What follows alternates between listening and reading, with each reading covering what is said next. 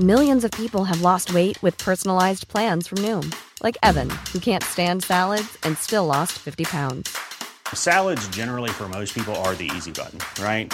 For me, that wasn't an option. I never really was a salad guy. That's just not who I am. But Noom worked for me. Get your personalized plan today at Noom.com. Real Noom user compensated to provide their story. In four weeks, the typical Noom user can expect to lose one to two pounds per week. Individual results may vary. Hey, it's Ryan Reynolds, and I'm here with Keith, co star of my upcoming film, If, only in theaters, May 17th. Do you want to tell people the big news? All right, I'll do it. Sign up now and you'll get unlimited for $15 a month in six months of Paramount Plus Essential Plan on us. Mintmobile.com slash switch. Upfront payment of $45 equivalent to $15 per month. Unlimited over 40 gigabytes per month. Face lower speeds. Videos at 480p. Active Mint customers by 531.24 get six months of Paramount Plus Essential Plan. Auto renews after six months. Offer ends May 31st, 2024. Separate Paramount Plus registration required. Terms and conditions apply if rated PG. Hey, it's Paige DeSorbo from Giggly Squad. High quality fashion without the price tag. Say hello to Quince. I'm snagging high-end essentials like cozy cashmere sweaters, sleek leather jackets, fine jewelry, and so much more. With Quince being 50 to 80% less than similar brands. And they partner with factories that prioritize safe, ethical, and responsible manufacturing. I love that. Luxury quality within reach. Go to quince.com slash style to get free shipping and 365-day returns on your next order. quince.com slash style.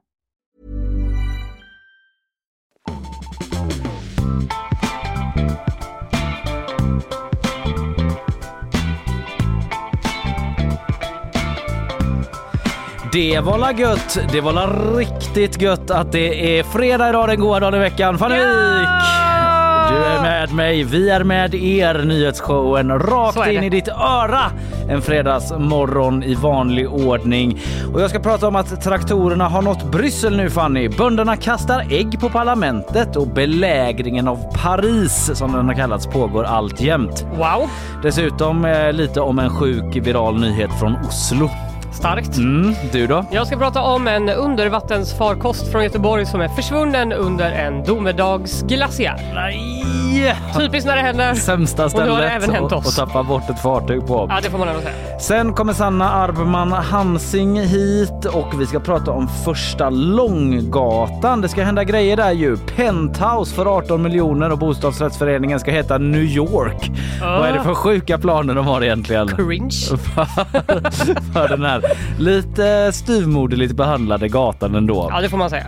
Eh, där ska det hända grejer. Sen kommer ju eh, Frida Rosengren hit också och guidar oss mot helgen. Eh, stryk allt i kalendern. Det brukar för- kännas så. Ja, när här. när Frida kommer med sina tips. Sen bakvagn. Jag ska prata om Fleximan som eh, härjar i Italien nu. Ja, det ska du bli varse och sen kanske lite om ett barn som eh, fastnade i en leksaksmaskin i Brisbane. Perfekt. Ja, jag ska prata om eh, den sjukaste p-boten som jag någonsin har läst om. Ja. Eh, Måste jag ändå säga. Och kanske lite det här med TikTok-bråk som pågår mellan Universal och TikTok. Ja, jag har alltid eh, eh, spetsade öronen när det rapporteras från TikTok. Ja, Jag hänger för inte att- där så mycket själv. Nej, man orkar ju inte det. Nej, så det är bra för mig med de här uppdateringarna om vad som pågår där. Det är så många Ja. andra som är där liksom. Så Exakt. det är bra för mig känner jag att veta lite så. Vad gör ni där inne egentligen? En del människor är där ändå. Står utanför och bara Vad gör ni där inne? Dämpa bara, er! Det är ett bråk! Ja. Vill du veta mer? Tyst sa jag. Mm. Ha, eh, har du hämtat dig igår från vår kväll på eh, filmfestivalen? Eh, nej, jag har blivit så otroligt förkyld. Ber om ursäkt för min eh, vidriga röst. Nah, Men jag ska säga roliga hårt, saker med. Men ja, det är bra. Eh, Det hörs lite grann, men jag tycker inte det är så farligt. Nej okej, jag har haft sån eh, mentol nässpray så det känns som hela ens hjärna typ. Mm. Vi får se om du har eh, smittat Lena Endre och Niklas Larsson då som Du- vi intervjuade på scen igår. Det är inte omöjligt. Nej. Vi tog ju en bild med, med dem efter Ah. vi hade haft vårt samtal och då var det som att, för då stod jag bredvid Lena Endre och då var det som att hon liksom höll mig om midjan och liksom nöp mig lite så här. Jaså? Ja. Ja. Jag bara, Passa "Jaha, dig, jag är, det- förkyld. men är det typ att du hatar mig? Eller att du tycker det är lite mysigt. Ja, oklart. Oklart. Vi vet inte om de gillar oss men det är inte det viktiga. Vi försökte göra en intervju. Det var ganska mycket folk där också. Ja det var det, men tyvärr frågade ju du om de visste vilka vi var. Ja, Och då blev det var helt här tyst. Det var en tuff start, vilket Niklas Larsson också sa. Det var en tuff start du. Det var jajamän. Eh, De flesta var nog där för att kolla på Lena Endre och Niklas Larsson. Det var nog där. Det var lite stökigt för det var ju på det här Hotell Draken och faktiskt första gången jag är där. Mm. Eh, och då hade vi vårat samtal i det som kallas för biblioteket där då. Mm. Men den angränsar ju till baren så det var ganska stimmigt Det liksom. var ju bara en bar. Ja, jag, Utan själva bar. jag hade typ lite svårt att höra vad Lena Endre sa ibland för det var ett jävla massa snack där ute i Ja. publiken typ. Jag vet.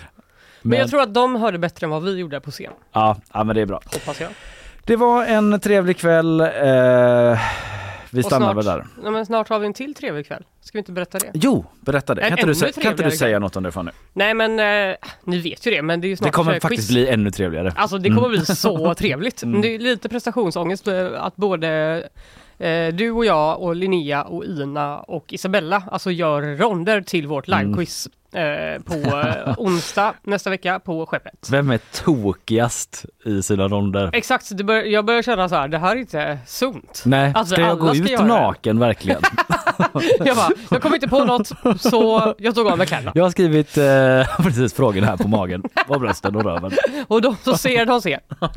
Nej, det vi lovar att det inte blir eh, någon som är helt naken i alla fall. Nej, inte Men, helt. eh, Jag längtar faktiskt till skeppet och den här, för att det känns så trevligt att få möta liksom er, våra lyssnare. Ja, Alltså, nu tänker- när vi inte hade några igår. jo men det, några hade vi nog men, men eh, det bara känns liksom skönt. Det är liksom vår, vårt event. Jag Vår vet. grej. Inte att vi är så här på filmfestivalen och är så här kontextlösa och intervjuar två kändisar. Nu är det liksom, det är quiz. Nu är det nyhetsshowen takeover. på riktigt. riktigt. Ja. Ja. Eh, men vi hade det helt okej igår och kul. Om det inte låter så. Nej det, det var toppen. Skojar Det bara. var toppen. Vi går in på nyheterna. Nu gör vi vår grej.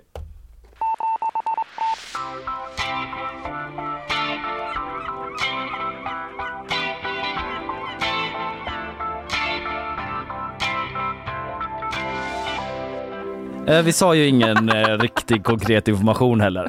Eh, insåg vi under, under, eh, under bumpen här. Men Nej. det är ju alltså på onsdag nästa vecka. Ja, då är det vårt livequiz på Skeppet i Ja. Göteborg. Det är- 18.30 börjar själva quizen. Ja, 17 öppnar det och Mm. eh, det är först till kvarn. Ja, det är Oh. väldigt många intresserade på Facebook. Ja, vad är tid tror jag? Ja. Om, ni, ja, om ni jättegärna vill gå. Det är klart fler intresserade än förra gången och förra gången blev det fullt och ölen tog slut. Så eh, Just kom i saying. tid.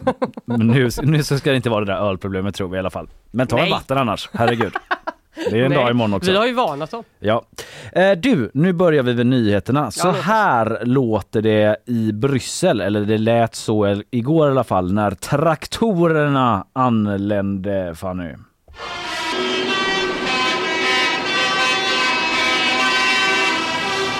Oj, Jag trevligt att de typ spelade en låt nästan. men vem kunde tro att det var så många olika liksom, nivåer av Ja. tut? På Inte jag traktorer? hade kunnat tro det. Nej, jag Det var som att de tog stämmer. En traktor höll för sitt ena öra så. Vad sa du där borta? Eh, och så här lät bönderna då som kör de här traktorerna och som kastade ägg på EU-parlamentet och sköt fyrverkerier på det.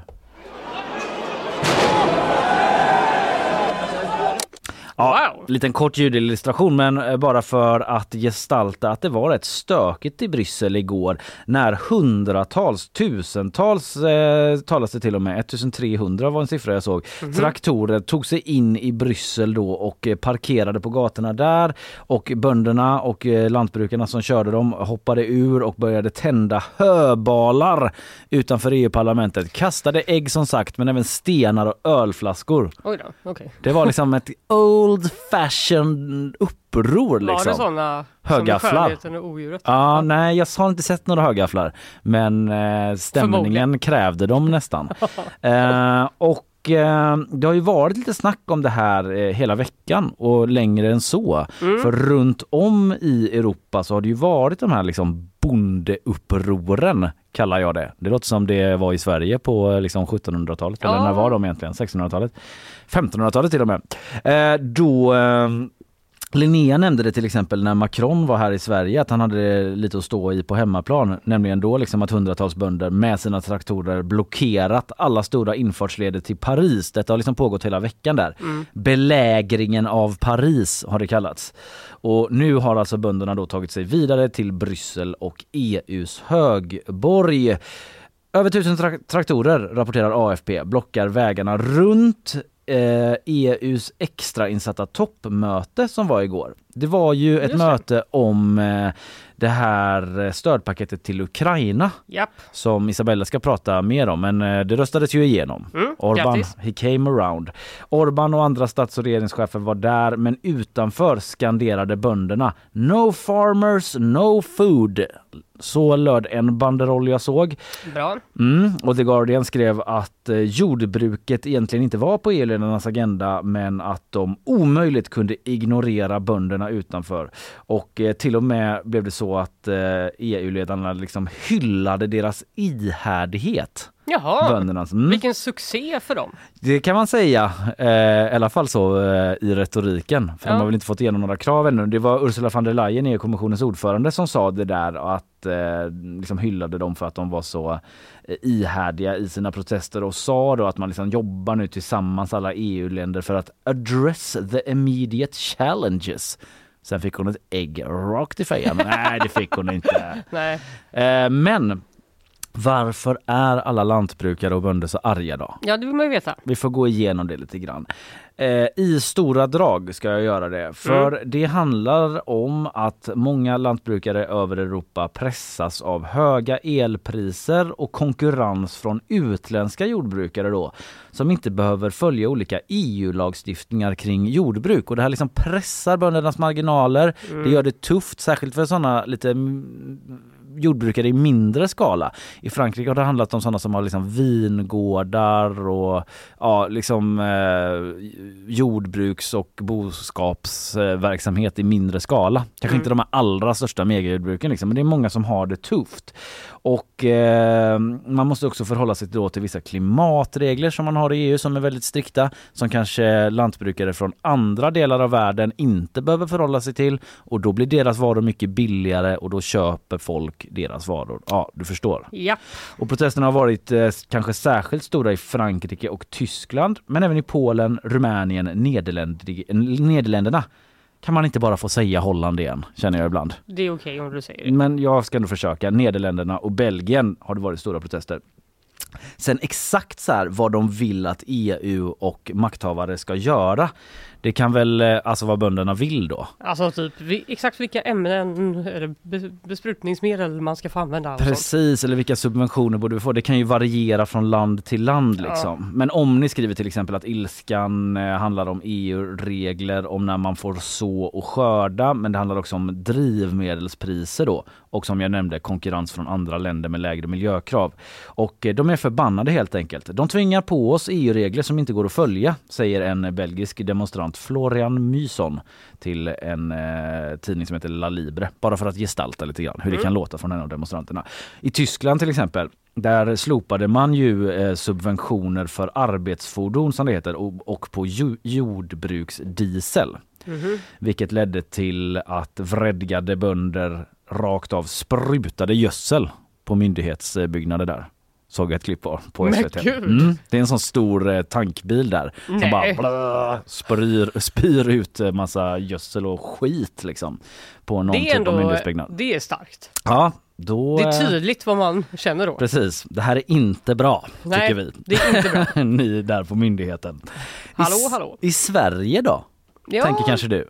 Har vi några bönder? Vad händer här? Har du sett hela kommunhuset här nere täckt i gödsel? Nej. Har du sett ett ägg sakta rinna ner över pannan på Ulf Kristersson? Eh, det borde man väl kommit ihåg ja, det som. Om det hade man blivit en nyhet kanske. Ja, det tror jag. I Sverige verkar stämningen vara lite mer så här. Jag är fattig fattig bonddräng men jag lever ändå.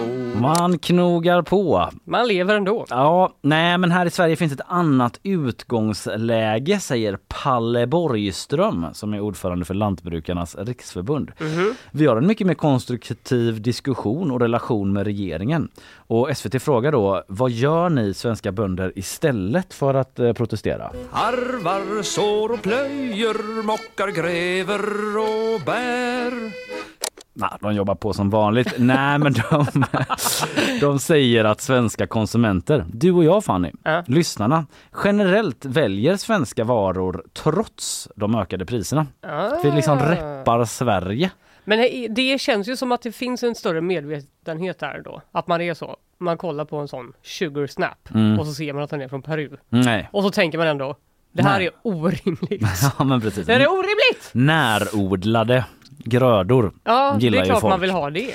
Det gillar ju folk i storstäderna här eh, och i Sverige generellt. Ehm, vad skulle jag säga? Jo men precis, och att det finns en bred politisk uppfattning menar han då, Palle Borgström, om att eh, livsmedelsproduktionen ska vara liksom eh, säkrad på hemmaplan, att man ska skruva upp den till och med. Att vi ska få liksom ett bättre jordbruk i Sverige. I händelse av kris till exempel. Just det. Att vi kan vara lite självförsörjande. Att eh, det är många politiska partier som är överens om det menar man. Vi har valt en väg i Sverige där vi byggt förtroende mellan bönder och resten av samhället. Protester skulle vara förödande och erodera det förtroendet som vi byggt upp, säger Palle Borgström. Så där är lite, om han får tala för svenska bönder, vilket han väl delvis gör då som Ja. ordförande för Lantbrukarnas riksförbund, så är det den inställningen man har.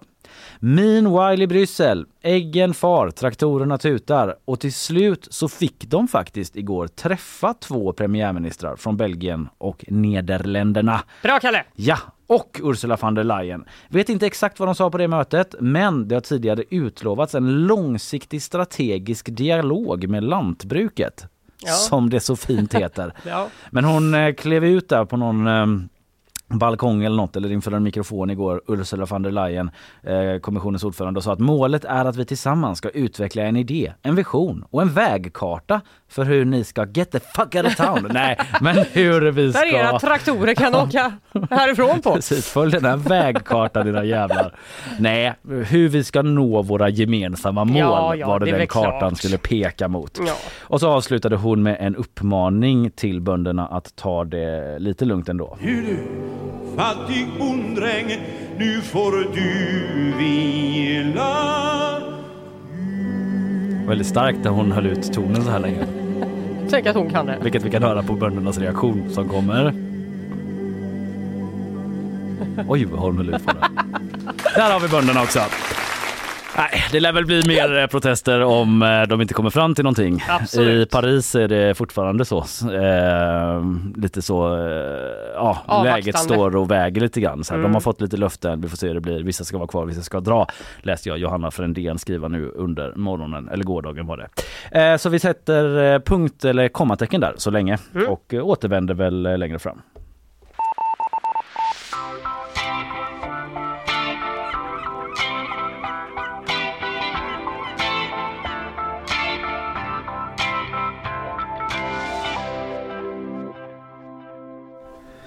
Isabella Persson, god morgon. Dina inköpta kläder eh, misstas för något du har stickat själv. Men varje gång Isabella på sig något så tror jag att hon har stickat det själv. För Ja. att hon oftast har det. Ja, det är ett beröm till Isabella och dina liksom, färdigheter. Ja, tackar, tackar. Mm. Har du varit på stickningsbio ännu? Nej, aldrig Nej. faktiskt. Det skulle ju komma till Göteborg pratade vi om för några veckor sedan. Ja, Men det var som att du och Linnea var så skeptiska ja men jag, man behöver ju ljus, alltså liksom Okej att man stickar framför TV men du behöver ändå liksom, du kan inte sticka i mörkret, jag förstår inte. Stickningskonservativa Isabella Persson och Linnea Rönnqvist vill ej... Det kommer eh, aldrig gå!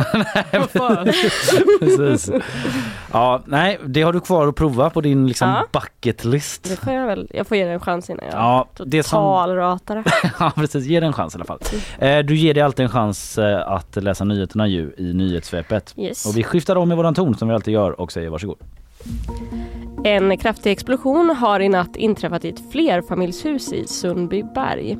Explosionen ska ha varit så kraftig att den hördes över stora delar av Stockholm och den har orsakat omfattande skador på byggnaden och även på bilar som stod intill. Ingen person har ännu anträffats skadad och polisen undersöker nu vad som kan ha legat bakom den här explosionen. Man har inlett en förundersökning gällande grov allmänfarlig ödeläggelse men ingen är i nuläget gripen. Viktor Orbán gav till slut med sig och släppte igenom EUs stödpaket till Ukraina. Beskedet kom bara några minuter in på gårdagens EU-toppmöte och skedde efter ett samtal mellan just Orbán, EU-rådets ordförande Charles Michel, kommissionens ordförande Ursula von der Leyen och ledarna från Tyskland, Frankrike och Italien. Och stödpaketet är i princip helt detsamma som man ville få igenom redan i december men med några små tillägg som till exempel att man har en möjlighet att efter två år nu be kommissionen om en förändring om då alla länder skulle vara överens om det. Stödpaketet är ett fyraårigt ekonomiskt stöd i form av 33 miljarder euro i lån och 17 miljarder i bidrag. Formel 1-föraren Lewis Hamilton byter team från Mercedes till Ferrari. Nyheten chockade och överraskade många när den kom igår då Hamilton tillhört Mercedes i 11 år och vunnit sex av sina sju VM-titlar med teamet. För Ferrari är det en prestigevärvning då de får en av världens bästa Formel 1-förare genom tiderna till sitt team. Ja, Orban came around, det blev stödpaket, stödpaket men också Lewis Hamilton ändrar sig alltså. Det var ju Ja. dramatiskt här på redaktionen igår. Alexander Olausson, kollega, kom springandes genom korridoren. Var det, aha, var Han det sprang därför? bort till breakingdesken. Vi måste flasha på det här! Men sen eh, så blev det ingen flash ändå. för Nej, att de det bara, var- vi tar TT. Tråkigt när någon springer för Så sitt liv. taggad. Ja, men det var liksom inte helt bekräftat först och sen, sen Nej. blev det ju det ändå. Man var Både- het på pucken där Ja. Alexander. Alltså jag lyckades ju Föredömligt. missa det här. Du är ändå en Eh, F1-tjej Ja, jag är ju verkligen en F1-tjej så jag liksom, jag hade fått ett, eh, någon så här eh, reel skickad till mig på liksom mitt på dagen och min kille, jag hade bara "Alltså, jag har inte kollat på den och sen så när jag var hemma igår kväll så såg jag på Twitter en bild på Lewis Hamilton då målad i Ferrari-kläder. Jag Mm. bara fake. Fake news. Men Han bara, eh, häng med Ja. För liksom. med det. det är ju en jättegrej. Han är typ en av världens bäst betalda Ja, ja. idrottare säger jag inom citationstecken. Eh, handlar som har bytt eh, stall nu då. handlar om jävligt mycket pengar. Det gör det. Och sen så handlar det ju liksom om bara att han är så sjukt bra har ju varit liksom. Alltså han är ju verkligen en av världens bästa Ja. eh, förare genom tiderna. Så bara det tiden. Ja. gör ju en stor värvning. Stor grej, alltid också kul eh, att få uppleva när någon springer för Flash på GP. Ja, det gillar man ju. Då känner man att man är på en levande arbetsplats Det är också där man härligt. älskar att vara. Det är också lite gulligt när man bara sa nej, det är inte en så stor Så är det grej. ibland. Det är också att man kanske Man vill måste kunna flasha. ta Ja. ett nej. Ja, Ja. då kanske desken sitter med andra grejer så Ja. det är ännu viktigare. De det bara, vet det man är aldrig. ingen Ja, nyhet. men vi älskar den. Nej. Insatsen. Ja, är Vi undrade först om det var bara att Alexander, eftersom han är från sportredaktionen, bara testade att springa sitt snabbaste. Han ville springa lika snabbt som en Formel 1-bil. Sen Väl- kom tillbaka till sporten och då stannade Robert Laul ett tidtagare. Det var sju sekunder. Försöker. Det var, det var inte tillräckligt Så snabbt. här har vi det på GP. Ja.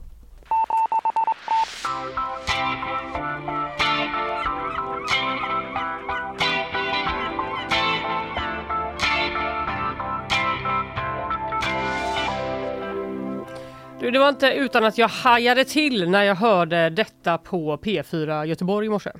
Forskare från Göteborgs universitet har tappat bort en sju meter lång undervattensfarkost värd 38 miljoner kronor under den så kallade domedagsglaciären.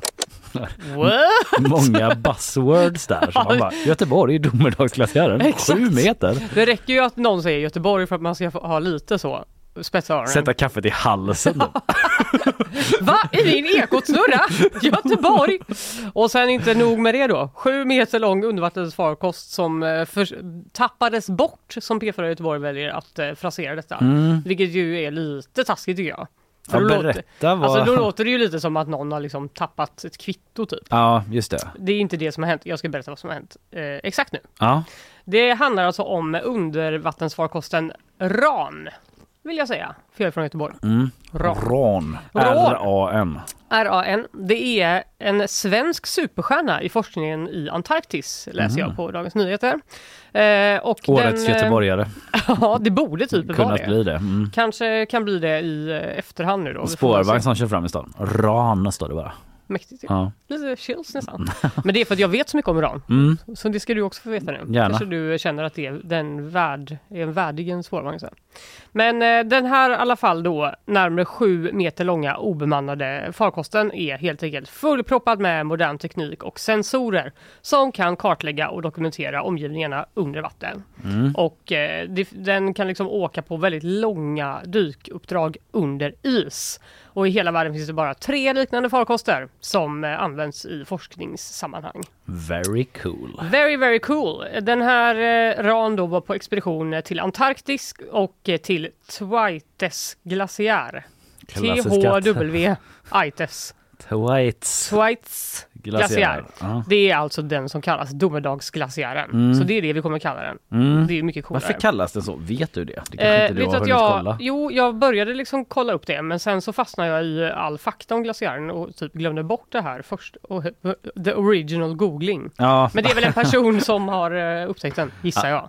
Ja, som heter så ja. Men undrar varför det är en domedagsglaciär? Jo, det ska jag berätta för ja, dig det nu. kan du berätta. Det kan jag berätta för dig nu. Eh, för att då, eh, den kallas för domedagsglaciären för att den är lika stor som Norrland till ytan. Men är en av de snabbast förändliga glaciärerna på Antarktis, det vill säga Mhm. den smälter Aha. ganska snabbt. Och om den skulle kollapsa helt så skulle det här smältvattnet som kommer från den här glaciären kunna orsaka en global havsnivåhöjning på en halv meter.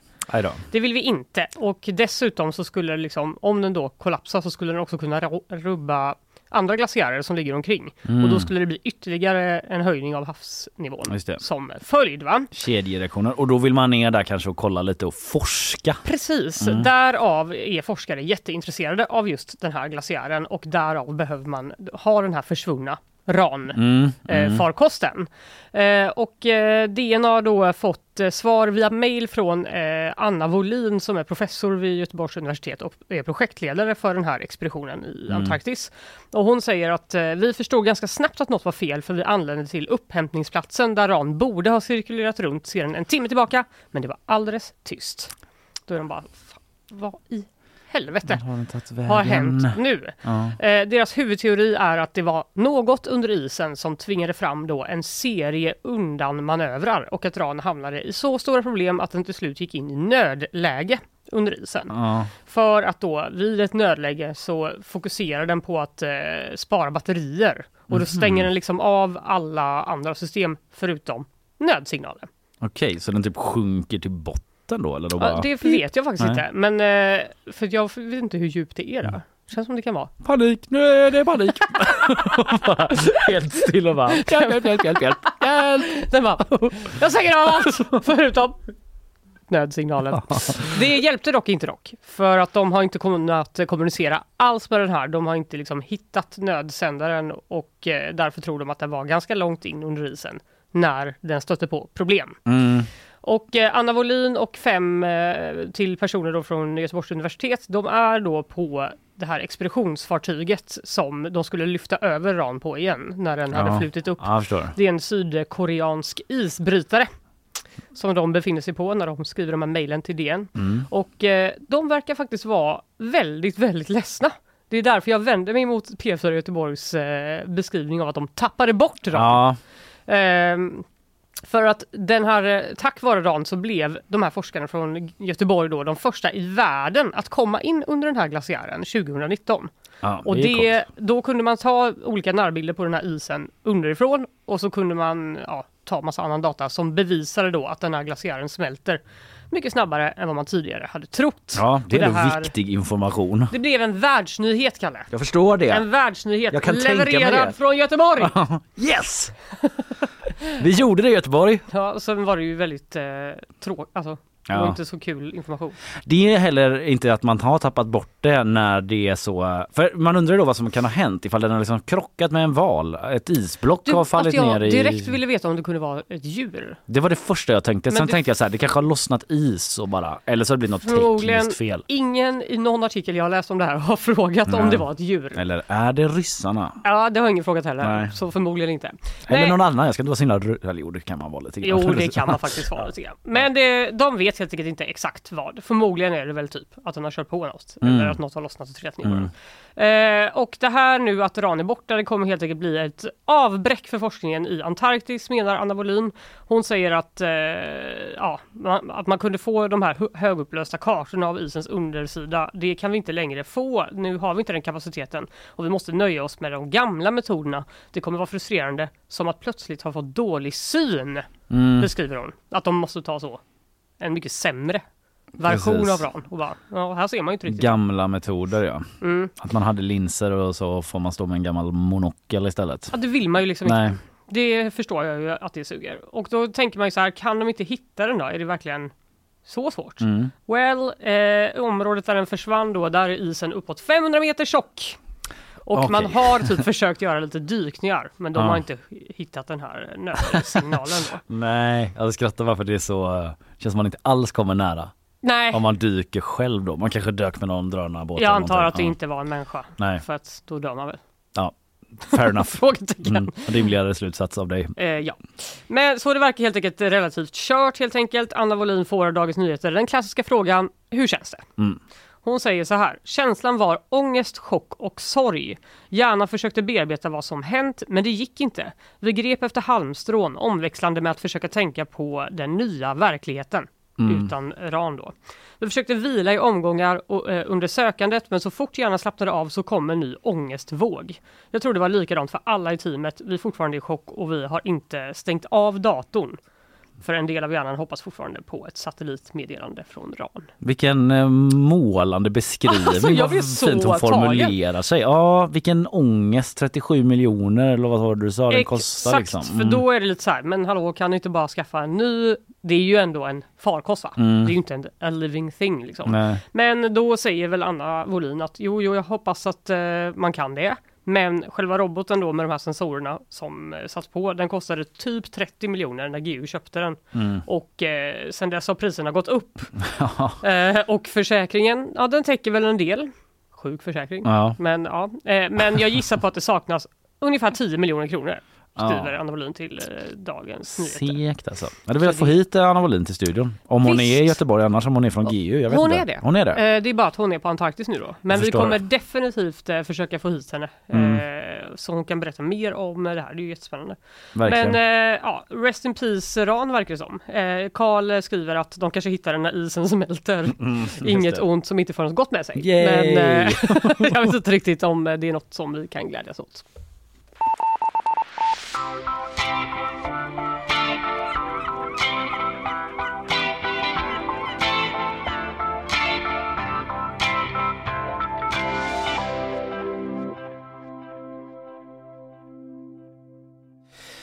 Du Fanny, vi måste bara prata om en rätt sjuk grej som hände i Oslo. Ja.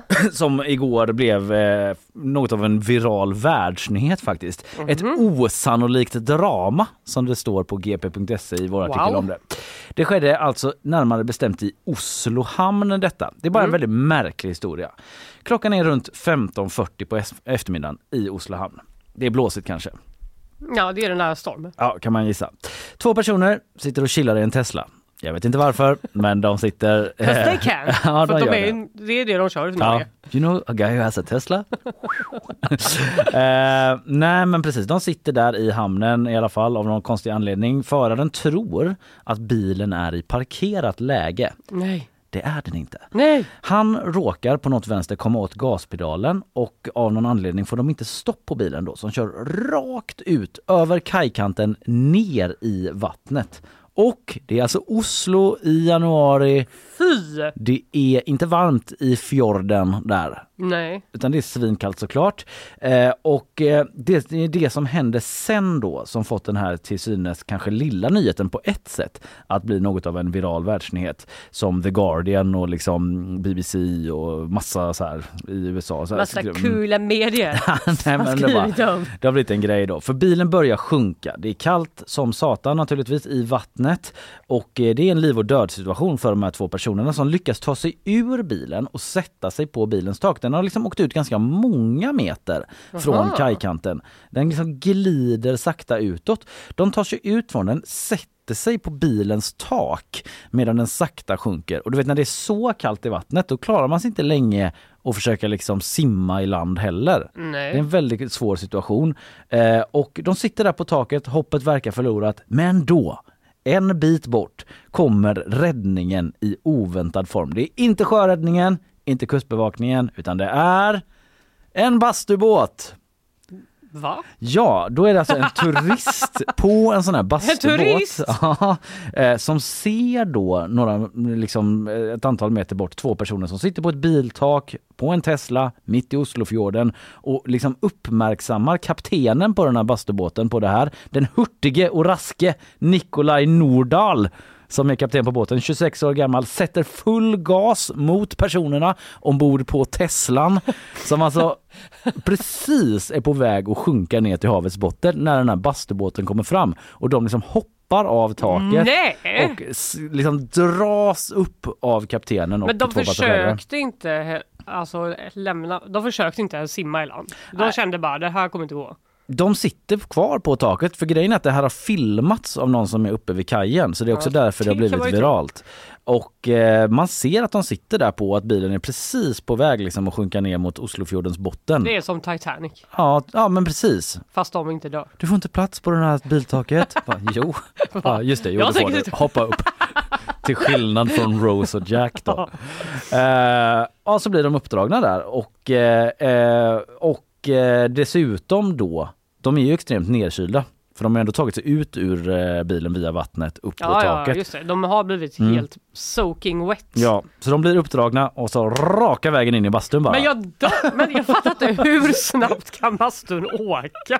Alltså min fördom mot en bastu är att den inte går liksom 200 kilometer i timmen fram mot Teslan. De var väl ganska nära liksom. Men det är också... Varför har du ens en bastu där mitt i hamnen? Ja men har inte det funnits, eh, eller är det i Stockholm eller Göteborg? Det finns sådana bastubåtar som åker runt liksom. Aha. Så kan man hyra dem och så åka ut och basta och bada och grejer. Eh, Men så de kravlar sig upp på bastubåten, hoppar raka vägen in i bastun och eh, tinar upp sig. Och den är alltså på. Bastun är på, ja, absolut. Bara pista på lite med vatten. Det här är min favoritnyhet. De sätter sig så högst upp i bastun också, du vet. Tuffar sig lite. Ett vittne säger till VG, alltså den norska tidningen, att det var ren tur att någon kunde komma till deras undsättning. Hade det inte varit folk där så är jag rädd för vad som hade kunnat hänt. De hade kunnat dö, säger de. Men nu skadade sig ingen allvarligt och en bastubåt räddade alltså de här två personernas liv och klippet har blivit världsviralt. Slutet gott, allting gott för alla utom Teslan Ja. som förvisso bärgades upp. Men eh, det är ju mycket el och sånt i de bilarna vet du Ja, det blir svårt va? illa däran var nog Teslan, men eh, glada de här nu upptinade i bastun. Det finns väldigt bra bilder på det här, vill jag säga, på g.se. Det gör det. Där man liksom ser dem i bastun, Mm. som kommer ut i bikini bara What? Kolla in det.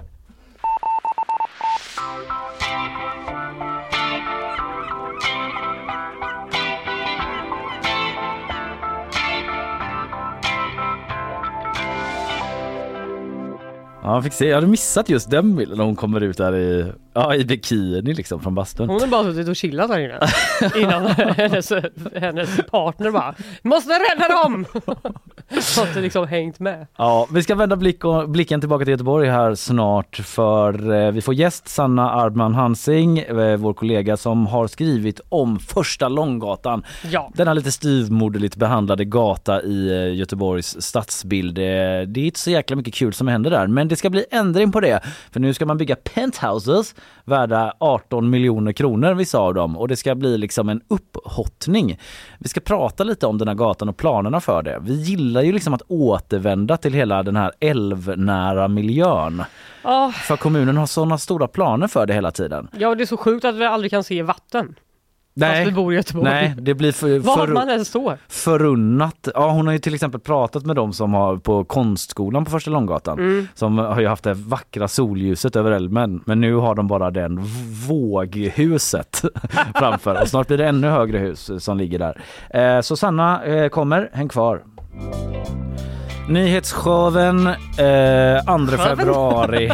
Showen. Det är så ung på spanska kanske. Jag vet inte. Eh, strunt i det nu för att vi ska tala om någonting helt annat. Första Långgatan nämligen ska gå från blåsig transportgata till grönskande lyxkvarter. Jojo tack! Med uteserveringar och, äh, uteserveringar och takvåningar i miljonklassen. Detta kan man läsa i ett reportage på gp.se och den som har skrivit det reportaget det är dagens gäst Sanna Arbman Hansing som ska berätta allt om den här glow-upen nu på Första Långgatan. God morgon Sanna! Där fick du en mikrofon också. Kom lite närmare så blir det kanon. Där. God morgon. Eh, hur är läget? Jo men det är bra. Mm.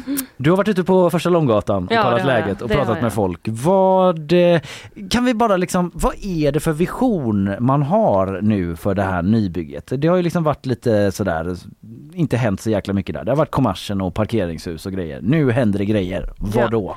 Nu ska det bli trevligt. Ja. Det är liksom själva det övergripande målet. Ja. Eh, och eh, om man kollar på de här lite tjusiga arkitektskisserna så har man liksom man trycker ihop trafiken i mitten. Just nu är det väldigt mycket trafik och spårvagnar och bilar Mm. och sånt.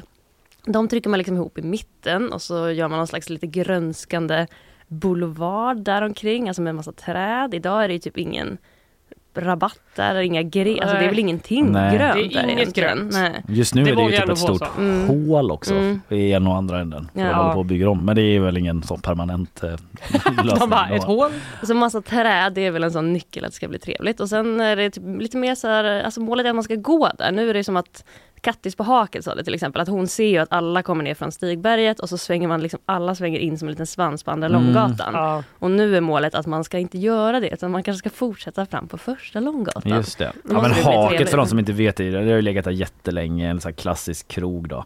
Men eh, precis, för folk tar omvägen om. Men det ska också bli då folk som ska bo där. Det ska bli trevligt men det ska också liksom flytta in Mm. massa folk. Och Mm. vad är det för typ av hus som de ska bo i? Eh, ja men ganska blandat. De jag lyfte i artikeln var ju de här lite flådiga takvåningarna. Ja. Eh, som har en prislapp på 18 miljoner Ganska uppåt. flådigt ändå. Det är ganska flådigt. Ja. Eh, det är typ sex stycken i varje hus och de är lite maffiga, ni vet så här, utsikt över älven och sånt. Och typ Eh, privat takterrass Ja, privat takterrass, eh, badkar med utsikt. Mm, Mm. mm. Men och sen liksom längre ner då så blir det lite mer så här vanliga lägenheter, lite hyresrätter.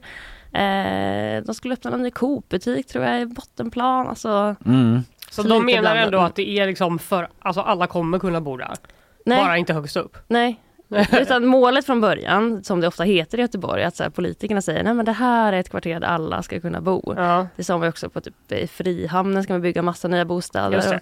Här ska också alla kunna bo. Den blandade Det låter ju staden, Den blandade tror jag. staden, det låter ju bra. Men sen så börjar man bygga och så tänker man gud vad dyrt det är med betong och gud vad dyrt det är med stommar och dy- vad dyrt det är med arbetskraft. Mm. Så att någonstans på vägen så försvinner den här visionen. Mm. De bara, här ska inte alla kunna bo för det kommer vara skitdyrt att bo här. Så att det, den här liksom fina målsättningen, det är så, himla- verkar så himla svårt att få till. Ja. Och nu sa ju den här projektledaren från kommunen att så, nej men nu, det kommer ju, alla kommer inte kunna bo här. Det kommer vara folk från typ Majorna, Linné som, som eh, kommer bo här för det Mm. är liksom nyproduktion. Men, men någonting som man i alla fall ska testa i det här kvarteret som är ganska nytt för att vara i Göteborg det är typ att man kan hyrköpa. Alltså att du får hyra en Mm. lägenhet i upp till fyra år tror jag. Mm. Och sen om du är nöjd och har lite, sparat lite pengar under den här tiden, då kan du få köpa den. Så att man försöker ändå liksom Mhm. testa lite nya modeller för att det ska, det ska vara lite annat folk. Och då måste du vara under 35 för att kunna, kunna göra det. Så man försöker liksom ändå så här testa sig fram. För kan, kan det finnas någon chans att någon Mm. under 35 någon gång kan bo här? Ja men då, då testar vi den här modellen. De bara, förmodligen inte. Ja. Men ändå. Men hon, eh, Marit eh, Sternang, hon är ganska självkritisk då till det här. Att inte all, det, det har inte gått så bra då. Att alla ska bo där helt Jag enkelt. vet inte, inte just det målet men det är inte det här övergripande målet att det ska bli trevligt. Mm. Eh, Så det det, tror det, de finns det ju massa, det tror de absolut. Ja. Det finns ju massa olika mål när man planerar en ny, en ny gata och en ny stadsdel. Typ, eh, ja men spänner de bågen lite väl när de kallar bostadsrättsföreningen för New York? Eller är det... Vems fel är det? Alltså det jag blev ändå att det ska vara som Manhattan typ? Alltså jag, blev, jag fattar att man kan raljera över det men jag bodde i bostadsrättsföreningen Plogen för några år sedan. Ja. Och då känner jag, då har man ju helt gett upp. Här ska man liksom bo på hissingen och så ska man bara sätta plogen i sin steniga åker. Ja. Och absolut, nu har man någon slags storhetsvansinne och tänker nu ska man vakna och tro att man bor i New York. Mm, det är att man är på första långgatan. utanför typ. Precis. Ja.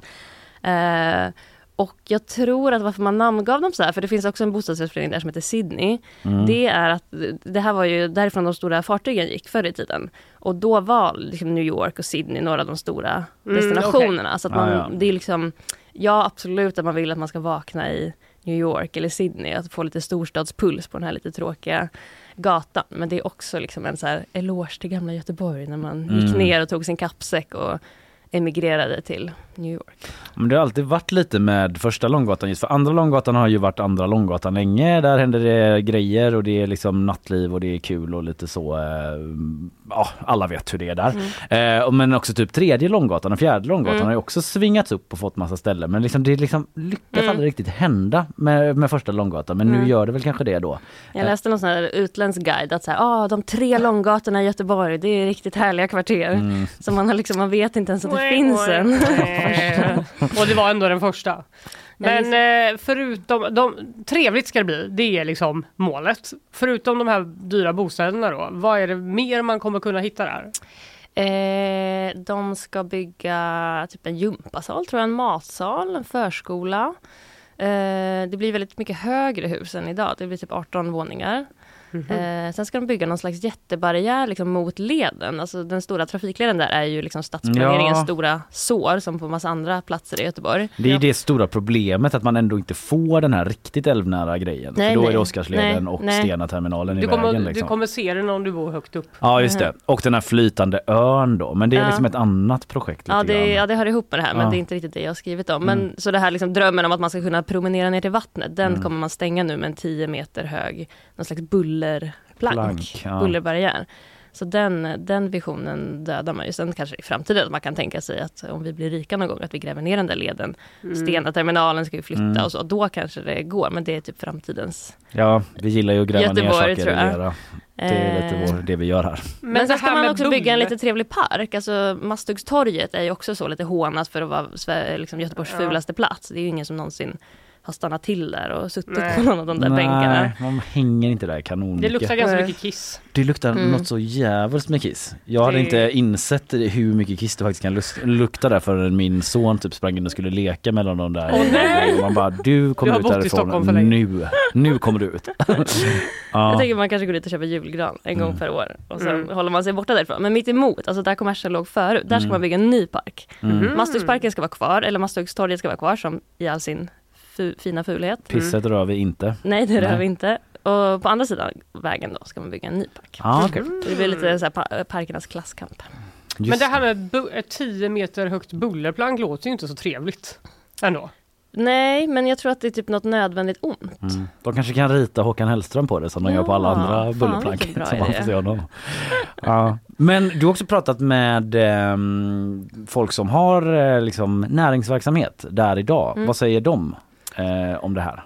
Alltså de som jobbar på första långa är så himla trogna. Jag pratade med någon frisör, han har liksom jobbat där i 30 år. Haket har legat där sedan 90-talet. Så att alla typ verksamheter på den här gatan har ju legat där typ så länge man kan minnas. Mm.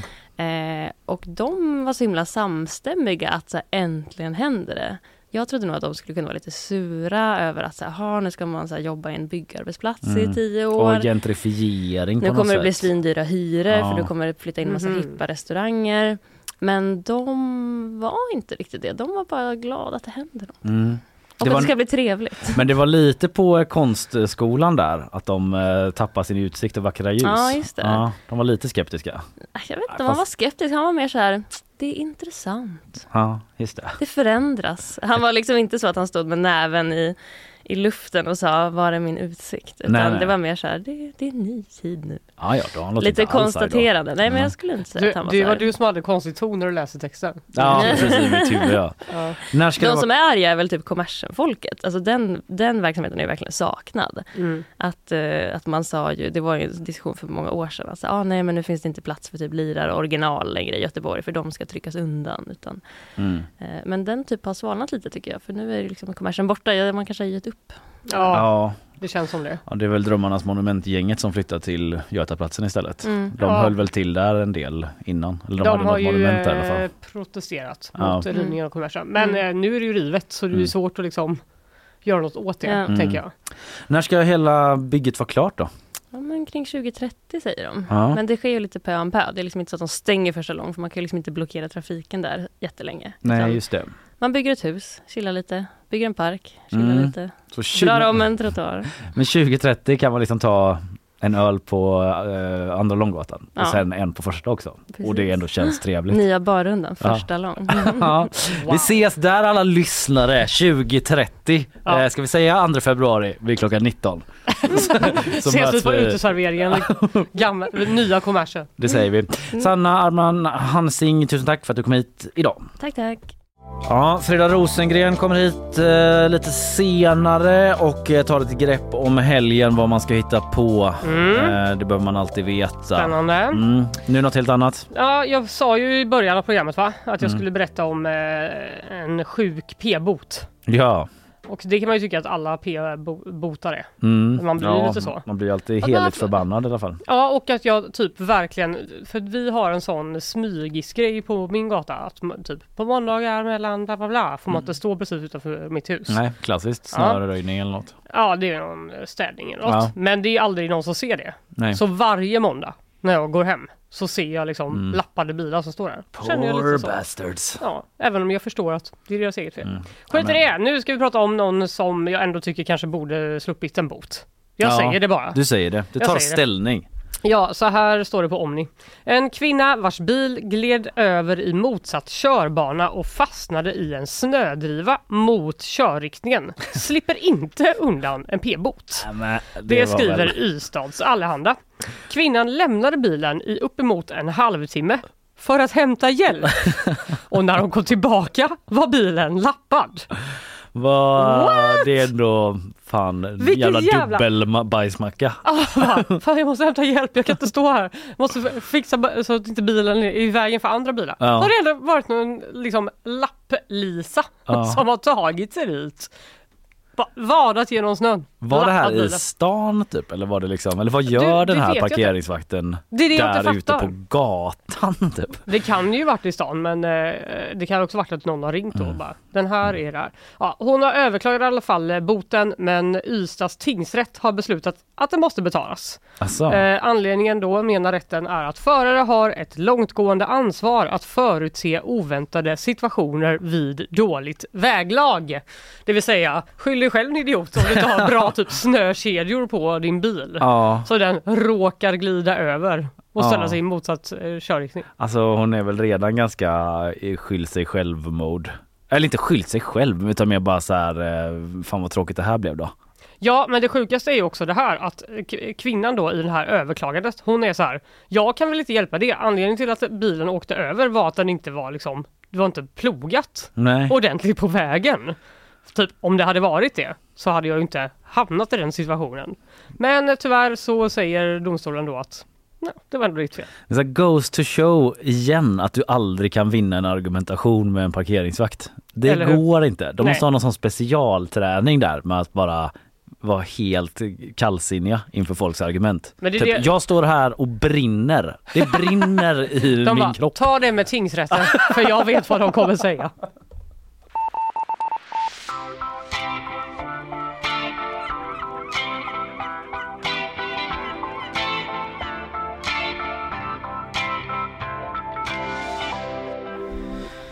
Nu ska jag tala lite med dig Fanny om eh, fartkamerornas fiende Fleximan. Alltså det är så bra namn. Fleximan, du kommer få reda på varför eh, han, hen eller de kallas det. Oj, oj, oj, oj. Mm, intrigen tätnar i Italien. Mm. För Fleximan delar Italien, läser jag på Svenska Dagbladet. Det är flera som har skrivit om det här men eh, svenskan har liksom eh, en ganska matig artikel om det då. Mm. Den anonyma sabotören har ett tydligt mål, förstöra så många fartkameror som möjligt. Goda nyheter för prins Daniel. Jag ska bara.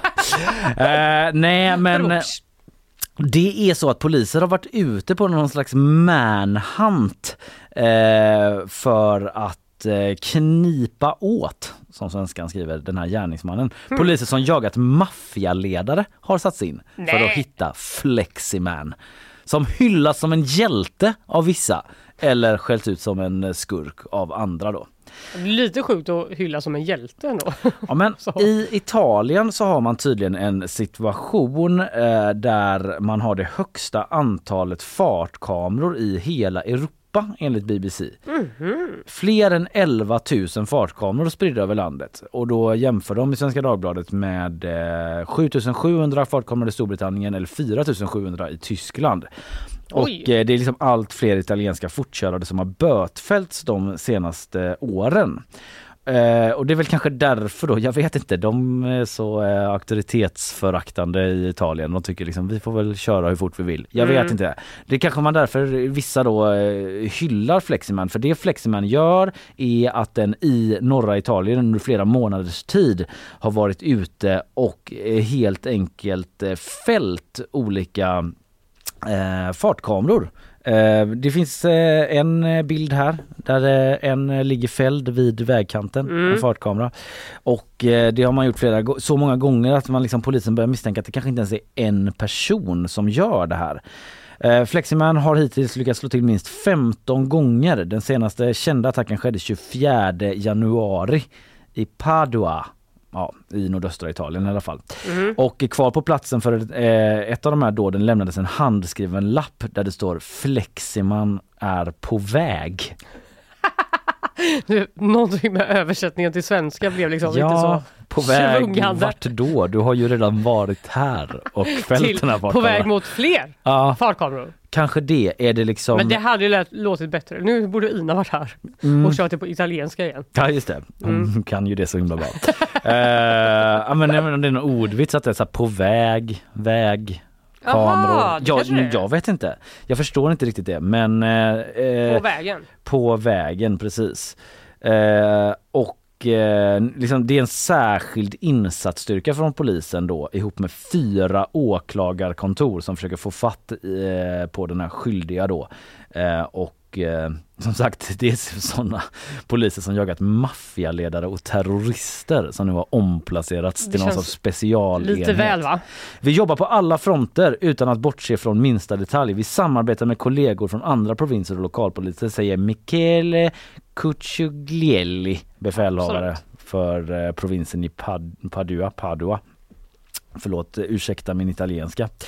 Eh, och varför kallas eh, den här gärningsmannen då för Fleximan? Jo, det är för att den, hen, de använder en flexibile, som det heter på italienska. Flexibile, kan du skicka Flexibelen, eh, det är alltså en vinkelslip eller cirkelsåg. Mhm. Så den beskrivs i internationella medier, skriver Svenska Dagbladet. Så alltså Fleximan efter fle- Flexibile som är en vinkelslip eller cirkelsåg som den använder då för att såga ner alla de här fartkamerorna. Men sen står det också att eh, polisen i nordvästra regionen Piemonte har gripit en man i 50-årsåldern som misstänks för två av dåden. Samtidigt så har liksom flera kameror sågats ner eh, under tiden den här personen varit gripen verkade som då. Och eh, som sagt, typ, attackerna kan möjligtvis ses som ett tecken på tilltagande frustration över att det är så jäkla många fartkameror i Italien då. Och det har blivit en jättegrej i sociala medier och en nationell supersnackis som de säger då. Och Italienarna är i två läger. Till exempel graffitikonstnären i Padua, en, inte, i bestämd form, en graffitikonstnär. den enda de har. Den enda de har. Det är inte så stort där, men de har en. Det var en som kämpade på. Ja, han kämpar. Eh, så har den gjort en sån Kill Bill-målning med typ Uma Thurmans karaktär där. Mm. Som står med ett svärd i ena handen och en förstörd fartkamera i den andra.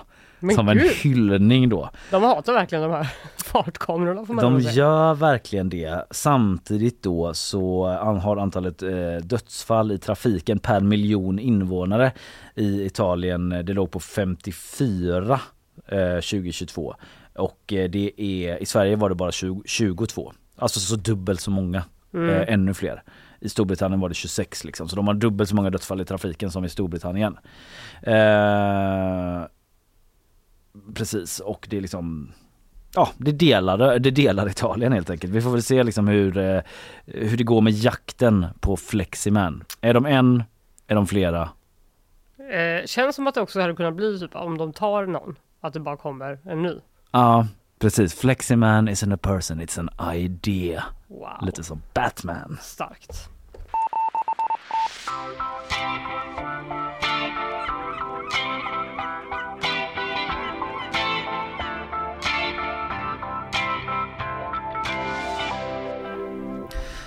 Frida Rosengren är på ingång. Vi ska snacka upp helgen, vad man ska hitta på här i Göteborg. Ska vi se liksom, vad är- det är liksom lite, det är lite loppisar, det är lite mackor och det är lite annat också. Häng kvar så eh, är Frida här snart. Cancel everything! För du har ingen aning om eh, vad du kan missa annars innan du har hört vad GPs krogredaktör Frida Rosengren har att säga. Vi ska snacka upp eh, inför helgen och innan vi gör det så gör vi alltid så här. Tycker att när man festar festar man och då festar man rejält. Have you ever been served an Amrise bush before? Nu är det fredag, det känner jag i hela kroppen. Känner du det också Frida? Ja, nu känner jag det. Stämningen då? Efter den. Toppad, toppad är den. Du, eh, vad har du med dig till oss idag? Ja, eh, jag har lite, lite mackor och loppisar och gästspel, men jag tänker vi börjar med mackorna. Mm. Alltså jag kan inte få nog av mackor. Jag är så hungrig. Jag får inte nog. Jag är så hungrig nu också. Ja. Hade det varit en macka här nu så hade jag bara pausat hela sändningen och ätit den. Nej, jag jag har ska- med mig. Nej, det tyvärr. behöver du inte. Vad är det för Ja. mackor nu då? Eh, jo, Hasselsons kanske ni har stött på eh, Känner någon till. gång. I saluhallen gör de mackor. Ja, I. Majorna är de mest kända för sina fish and chips. Mm. Eh, och det går bra för dem nu måste man ju säga. De, de öppnar ju en ny sån systerkrog till det här fiskeinriktade stället på Drottninggatan senare i år. Mm. De har ju, driver ju ställe i Stockholm också. Men nu så ska de öppna ett till mackställe. Eller de Mm. har redan öppnat det. De öppnade igår eh, på Skanstorget. Va? Eh, ja, jättenära mig. Ja, perfekt. Mitt emellan eh, Mestiza och Bar Minimal. Det är som Så ett sånt liksom- kalleformat moln kvar du vet. Fast jag har redan sprungit. Kalle, de har inte öppnat ja, Okej, på Skanstorget. Men de Ja. har inte öppnat än? Ja, du menar Jo, för jo, dagen? men jag menar för dagen. jag Ja, nej, de Att du kan ju inte öppnar, köa liksom flera timmar för att få macka. Det finns säkert andra goda mackställen också, men bara mackor. Det finns en hel guide ja. till stans bästa mackställen eh, om vi ska vara så public service. Ja, Vi det kan behöver vi inte vara, men vi eh, gärna tipsa om den guiden. Vi kan länka Ja, den den är sen bra. på Mm. Instagram. Eh, sen, och de, har, de kommer ha öppet, alltså de har inte öppnat så de öppnar klockan 11 och har öppet till 4, eh, tisdag till lördag eh, Mm. framöver och nu. Eh, och, ja, och där kör de sina paradmackor och lite olika gästmackor och sådär. Mm. Så att man lär känna igen sig tror jag. Det Eh, låter, som, att- det låter så mysigt med gästmackor. Mm. Som att det är bara någon som kommer in. En gäst någon som med random som bara Hallå, kan jag göra macka eller? har en polarkaka och lite Vad skulle du göra för macka Kalle om du fick vara gäst? Nej, jag, jag tror att jag är bättre på att liksom äta dem än att göra dem men jag hade Gud vad svårt. Gud vad svårt. Nej jag vet inte, jag, gillar, jag kan ändå uppskatta när man väl ska äta en sån god macka då liksom att det är en sån med en, typ en sån rejäl köttbit på liksom. Ja, men det Lite har den de där. Ruben Jo, det, de har en variant av det. Ja. Med någon cheddar-gratinerad eh, köttgrej. Ja, Så jag skulle göra en sån då. En Mm. likadan du gör en sån? Vilken bra gäst. Mm. Kött på Man bröd. kanske skulle göra något helt annat då. Bara liksom... Vet du vad jag skulle gjort? Nej, Ett knäckebröd med extra saltat smör, prästost och eh, gurka. ja, underbart. Det är den godaste 120 mackan. kronor. Utan dricka. Med ett glas vatten till. Sånt Ny äckligt, affärsidé, just drop. äckligt Göteborgsvatten också som smakar funky just nu. Tackar. Ja, men det var loppis också Eh, ja, vi skulle prata om. det är inte vilken loppis som helst. Det finns ju, man kanske tänker på de här liksom trottoar, något litet bord på en trottoar och sådär. Mm. Men det finns också Den här är ju trasig. Jajamän. Det, det kan säkert fortfarande hända, men nu är det en arenaloppis. Oj! Alltså megaloppis XL. Det är nämligen Partille Arena som på söndag förvandlas till en enda stor loppis mellan klockan 10 och 3. Men gud. Och alltså, tidigare sådana liknande loppisar har haft eh, över 4000 perso- besökare tror jag. Mhm. Eh, och till skillnad då från trottoarversionen, här kan man köpa VIP-entré. Barnen kan man lämpa av i en hörna med hoppborg och trampbilar. Eh, och eh, John Scotts eh, där inne håller öppet, så man kan väl sätta sig där och ta en Det är öl. så, som på Ullared, att alla gubbarna ska sätta sig Ja. på John Scotts. Lämna barnen Ja. på, med trampbilarna så ska alla mammorna gå, gå omkring och fynda. Vad består VIP-entrén då? Vet du det? Jag tror faktiskt bara det att man inte behöver köa utan att man liksom blippas in. Ah. Man kanske får gå in en kvart tidigare eller så. Springa fram till fynden. En viktig kvart ändå. Ja. Om man är sån fyndjägare liksom. Ja, jag är inte jätte, men det kanske man behöver innan de Men jag slut. tänker att eh, de bästa grejerna går jävligt fort. Om man verkligen Mm. vet vad man ska Men det är ju så efter. stort. Ja. Det finns fynd till alla säkert. Ja, Folk står i sådana startblock utanför. Bara, Pang! Ja. Springer allt vad de pallar. Alexander Olausson. Referens till tidigare i morse. vår bästa man. Ja. Eh, okej, men det hade jag fan ingen aning om. Eh, 10 till 15 på söndag säger du? ja, och det kostar 50 kronor att gå in för alla över 12. Mm. Ehm, ja. och, är det eh, gratis under 12? Det är inte Ja. förbjudet under 12? Nej, det är gratis under Mm, 12, mm. precis. Eh, det är de som ska sitta i den här barnhörnan, 13-åringarna. Ja. Hoppborgen. Ja. All right. Eh, Ja, det skriver vi upp. Mm, det om det. Eh, sen har vi också ett litet eh, en krog-grej kan vi väl säga. Det är nämligen så restaurangen Bulå på Norra Hamngatan, Mm. alltså eh, ja, bredvid Båga där. Eh, de kör en del kul gästspel, alltså att de tar in andra krögare. De har haft eh, pizzabar, de som öppnade en pizzabar nu har varit där någon söndag. Och nu på söndag så kommer, eh, jag tror man ska säga JQ, eh, eller JQ, men det är så svårt att säga JQ.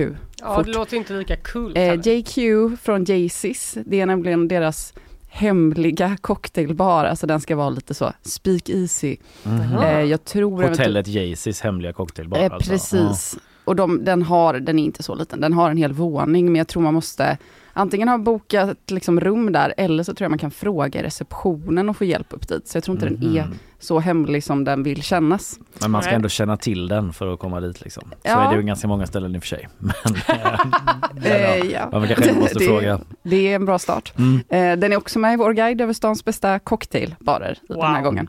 Ehm, men de kommer nu till Blå då och bjuder på experimentella cocktails. Mhm. Eh, så om man inte orkar ta sig ut i Gårda så kan man ju då gå, gå ner på stan istället. Mm. Ehm, och Blå kommer såklart komplettera med några av sina favoriträtter.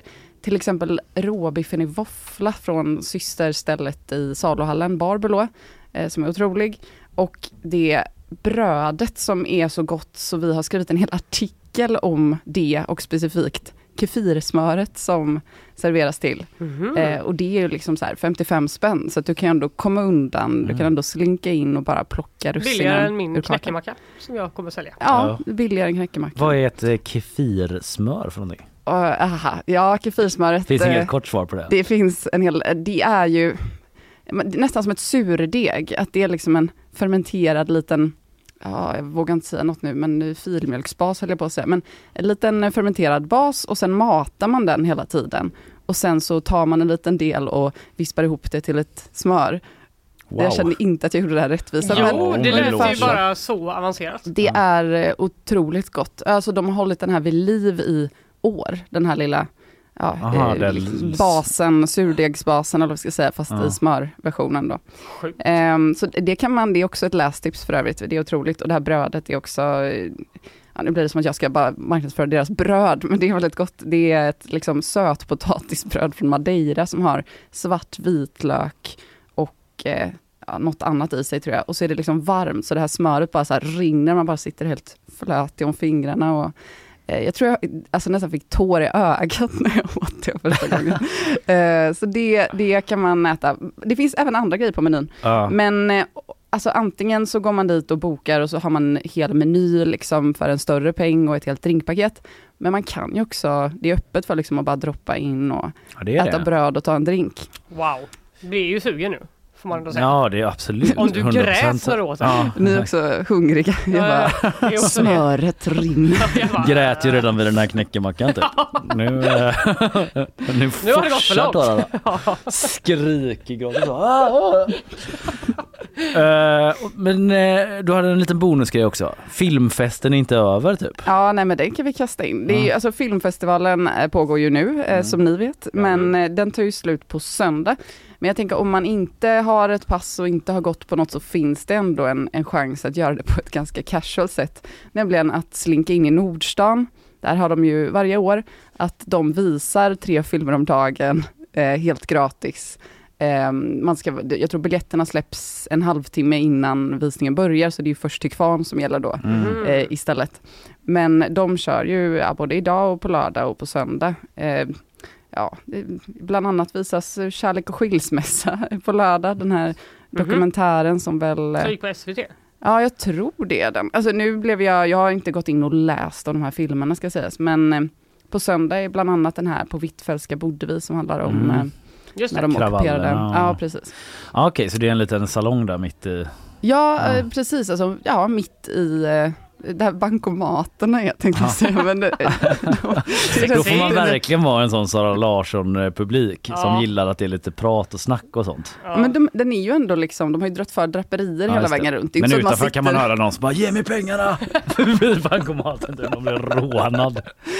Ja men det kan man göra. Det- Jag var lite så här på väg att välja bort den här för jag vet inte, vill man gå på bio i Nordstan? Det, alltså, det kanske nej. man vill. Kanske inte. Man vill väl typ eh, alltså, så här, slinka in i Nordstan är en mardröm i sig. Men, eh, men om man ändå är där, Det varför är ju inte? en unik upplevelse Mm. som i och för sig sker varje år men, men den, ja. En relativt unik. Någonting är det. Jag har fått eh, otroliga tips för helgen. Frida Rosengren, krogredaktör på GP. Tack för den här gången. Vi ses snart igen. Tack. Trummar på med nyhetsshowen ända in i kaklet. Karl har gett oss en liten kompletterande bild liksom, eh, som kanske säger någonting om italienarnas inställning till Ja. trafiksäkerhet. Om vi generaliserar lite. Det får man säga. Alltså vi pratade ju om det här Fleximan som eh, sågar ner fartkameror och att det är typ så enligt Svenska Dagbladet i alla fall delar Italien. Vissa Mm. tycker så här bara hallå vi vill typ inte att folk ska dö i trafiken tack medan andra är så här you go Fleximan du är inte hjälten vi eh, behöver men den vi förtjänar. Eller är det tvärtom vad brukar man säga?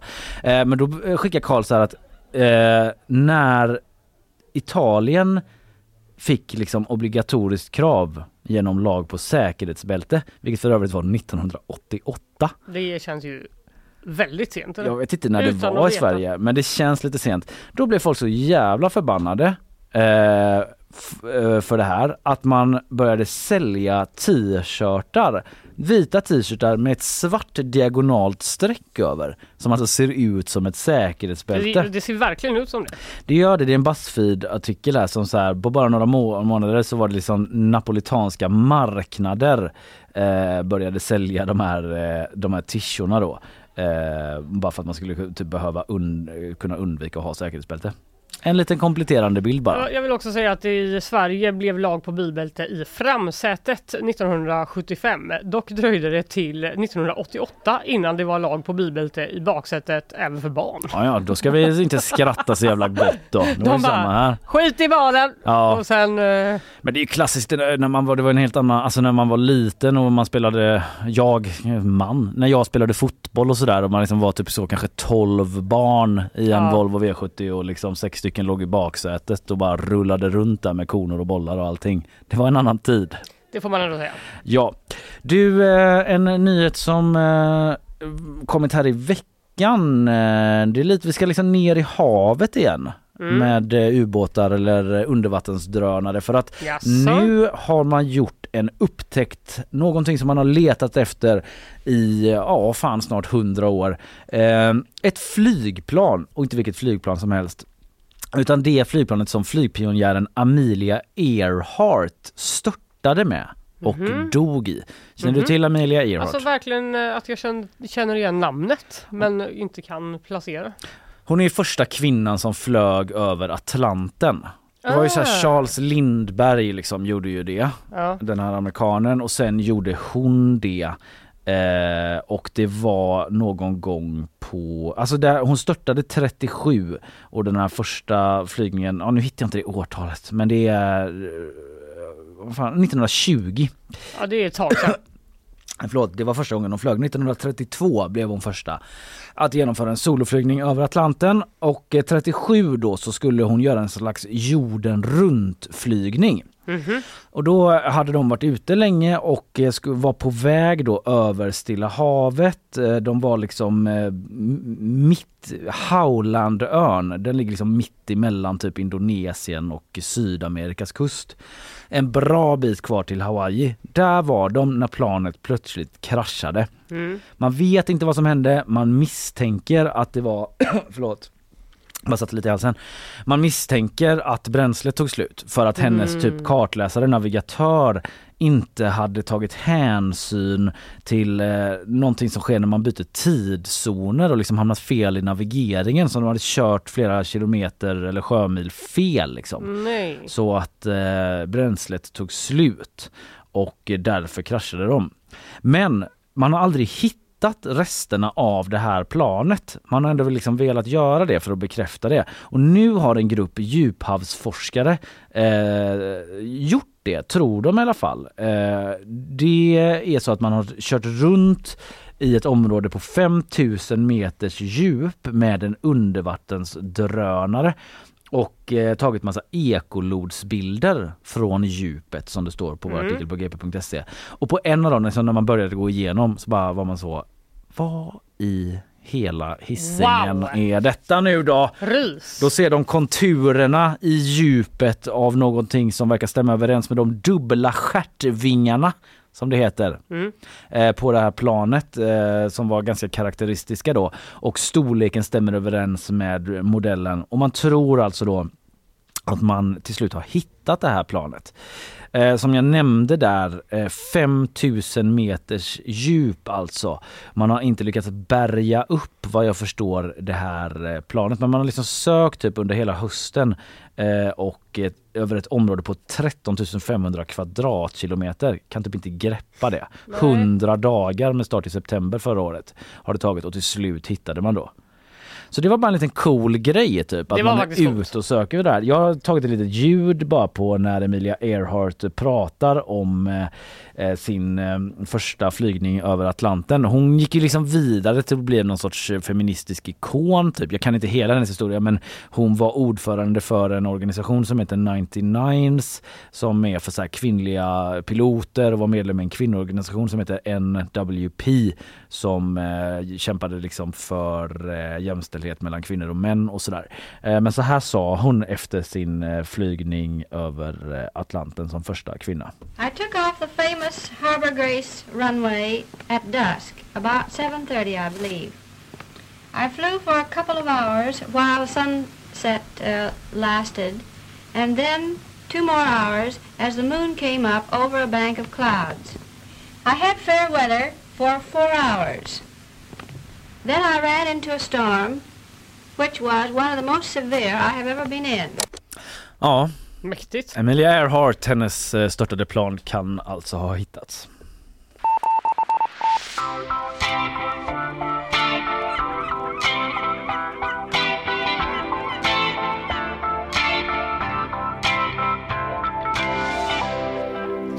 Eh, Eftersom jag vill att du ska slippa vara inne på TikTok, Kalle. Det Ja, är en drog dig. och en eh, drog som du inte borde använda. Nej, nu när bra. du är i ditt nya liv. Det är inte bra för mig. Nej, du har ju till och med slutat med Instagram. Ja, jag har det bara på jobbet. Lite gästspel där ibland. Ja, det är bra. Vi får se hur länge jag håller i det. Jag börjar redan tumma lite på det känner jag. Det är okej. Det är svårt. Men du behöver, du behöver inte addera eh, TikTok också. Nej. Det är det jag försöker säga. För nu ska jag få höra. Ja, för att eh, videoklipp på TikTok har nu börjat tystna. Det skriver New York Times och det är på grund av att eh, Universal Music då, de har Mm. börjat plocka bort sin enorma musikkatalog från eh, den kinesiska appen eftersom de har en konflikt. Ja, jag känner igen det lite grann. Ja, det här gäller alltså artister, alltså all musik från Taylor Swift, Drake, U2, Ariana Grande kan, har helt enkelt stoppats och det är för att Universal tycker att eh, TikTok, alltså de har försökt komma överens om eh, villkor då för eh, alltså hur mycket de ska Ersättningen, betala. royalties typ. Ja. Exakt. Universal tycker att TikTok bara betalar en struntsumma för musiken. Mm. Trots att eh, då skivbolaget representerar några av de största artisterna i världen och att de används extremt flitigt, Ja, deras musik, ja. på den här plattformen. Och de tycker liksom att de för, håller på att bygga upp en musikplattform på TikTok. Ah, ja, just det. att Det blir som att man bara kan vara inne och lyssna på musik. typ. Exakt, Ja. typ som Spotify. Ja. Men eh, och att de ändå inte betalar Nej. eh, skäligt för det då. Eh, TikTok eh, anklagar Universal för att sprida falska narrativ. Mhm. Ja, lite oklart vad de menar med det. Det är, det är inte sant det ni säger helt Nej, enkelt. På ett eh, lite finare sätt. Exakt. det här men, eh, narrativet är falskt. Ja, Du menar det, att vi ljuger? Det tycker de. Det Men eh, de, där. det handlar nog om typ så här, är det så viktigt? Alltså, nu, är det väldigt många artister som eh, breakar på TikTok. Ja, alltså de blir kända därigenom. och, Lil eh, Nas X typ. eh, ja, kanske. Ja men för mig att han var någon sån TikTok-breakare. Ja, nu TT har hittat eh, några svenska, eller eh, Aftonbladet är det faktiskt, Mm. som nu då vars musik inte får vara på TikTok trots att det var där de slog igenom. Björn Holmgren heter en person. Så där ja. Även Bell heter en person vars Mm. musik eh, blev känd genom eh, TikTok då. Och de är ju lite så här, ja det är väl liksom bra att eh, Universal försöker ge oss pengar men samtidigt vill vi gärna vara på TikTok. Ja. Så om vi skulle kunna lösa det här Ja. så hade det kanske varit bra. Man har en ganska bra position där TikTok på ett sätt. Alltså Jag alla vet. måste vara där om man vill breaka snabbt liksom. Jag vet, Mm. det är ju... eh, Men lite skönt på ett sätt att de bara stryker alla världens största eh, artister. Det blir ju en sån fresh start typ. Det är ju verkligen eh, kännbart. Ja. Alltså jag tänker att det är något som TikTok-användare, de vill gärna ha en Taylor Swift-låt. Ja. Så de kommer ändå säga till. I Sverige så gäller det till exempel ABBA, Hovet och Veronica Maggio. De försvinner alltså? De är borta. Ja, Okej. Mm, så gick det med det.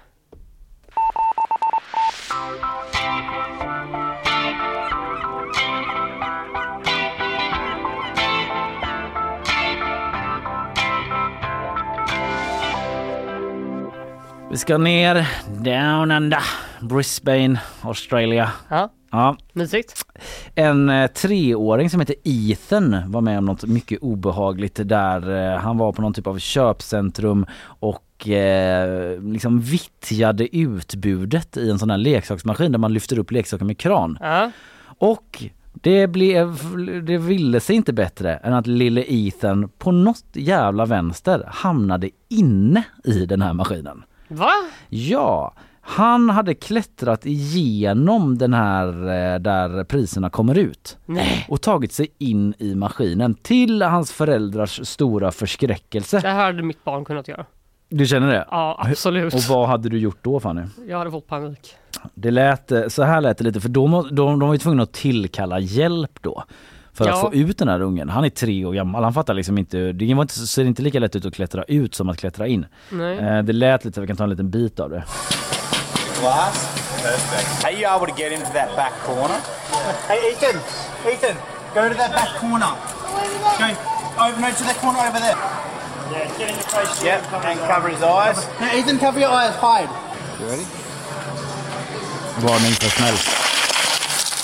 Ja, Här krossar de glaset alltså. Det är väl det man hade behövt göra helt enkelt. Men ja, det är klart att eh, då måste ju han eh, inte få glas på sig. Nej exakt, de, han får liksom krypa in i ena hörnet och så håller han för ögonen och så är det Nej, så här att mamman typ, eller en kvinna, eller kanske inte mamman, jag vet inte men bara he's peeking. typ att han sitter så och håller för ögonen och typ så kikar ut lite näpet. Busig in i Ja, det sista. och så krossar de hela glaset och han kommer ut och slutet gott, allting gott. Mm. Bara en sån grej man typ bara trodde hände i en Pixar-film. Jag känner att det var en bra varning Ja, till oss föräldrar. mycket riktigt.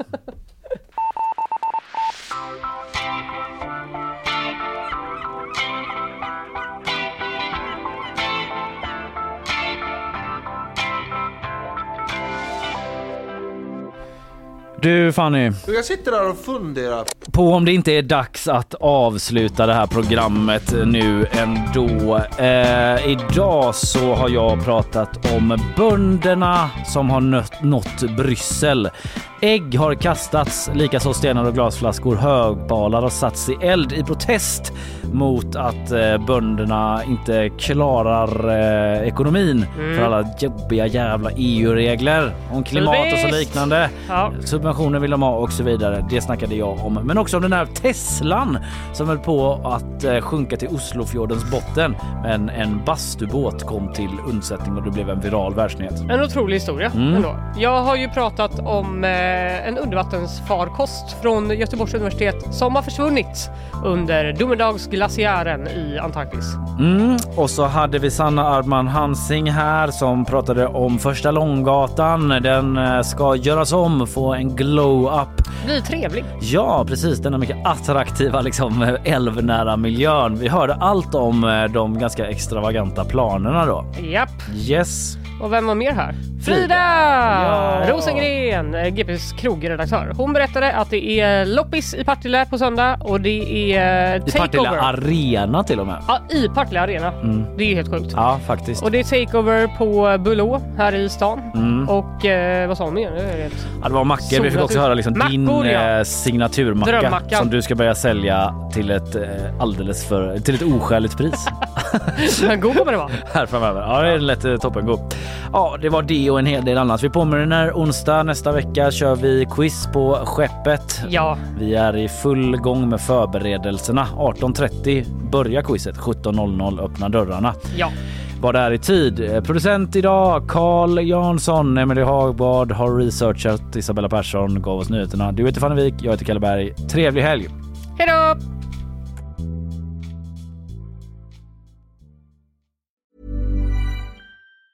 Planning for your next trip? Elevate your travel style with Quince. Quince has all the jet setting essentials you'll want for your next getaway, like European linen, premium luggage options, buttery soft Italian leather bags, and so much more. And it's all priced at 50 to 80% less than similar brands. Plus, Quince only works with factories that use safe and ethical manufacturing practices. Pack your bags with high-quality essentials you'll be wearing for vacations to come with Quince. Go to quince.com slash trip for free shipping and 365-day returns. Hi, I'm Daniel, founder of Pretty Litter. Did you know cats tend to hide symptoms of sickness and pain? I learned this the hard way after losing my cat, Gingy. So I created Pretty Litter, a health monitoring litter that helps detect early signs of illness by changing colors, saving you money and potentially your cat's life. Pretty Litter is veterinarian developed, and it's the easiest way to keep tabs on your fur baby's health right at home. Go to prettylitter.com and use code ACAST for 20% off your first order and a free cat toy. Terms and conditions apply. See site for details.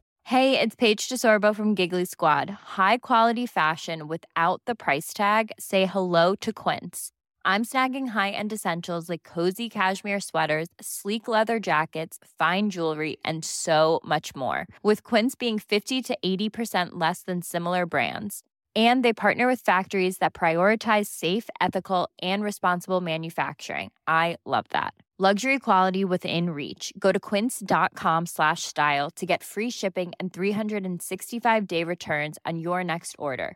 Quince.com slash style.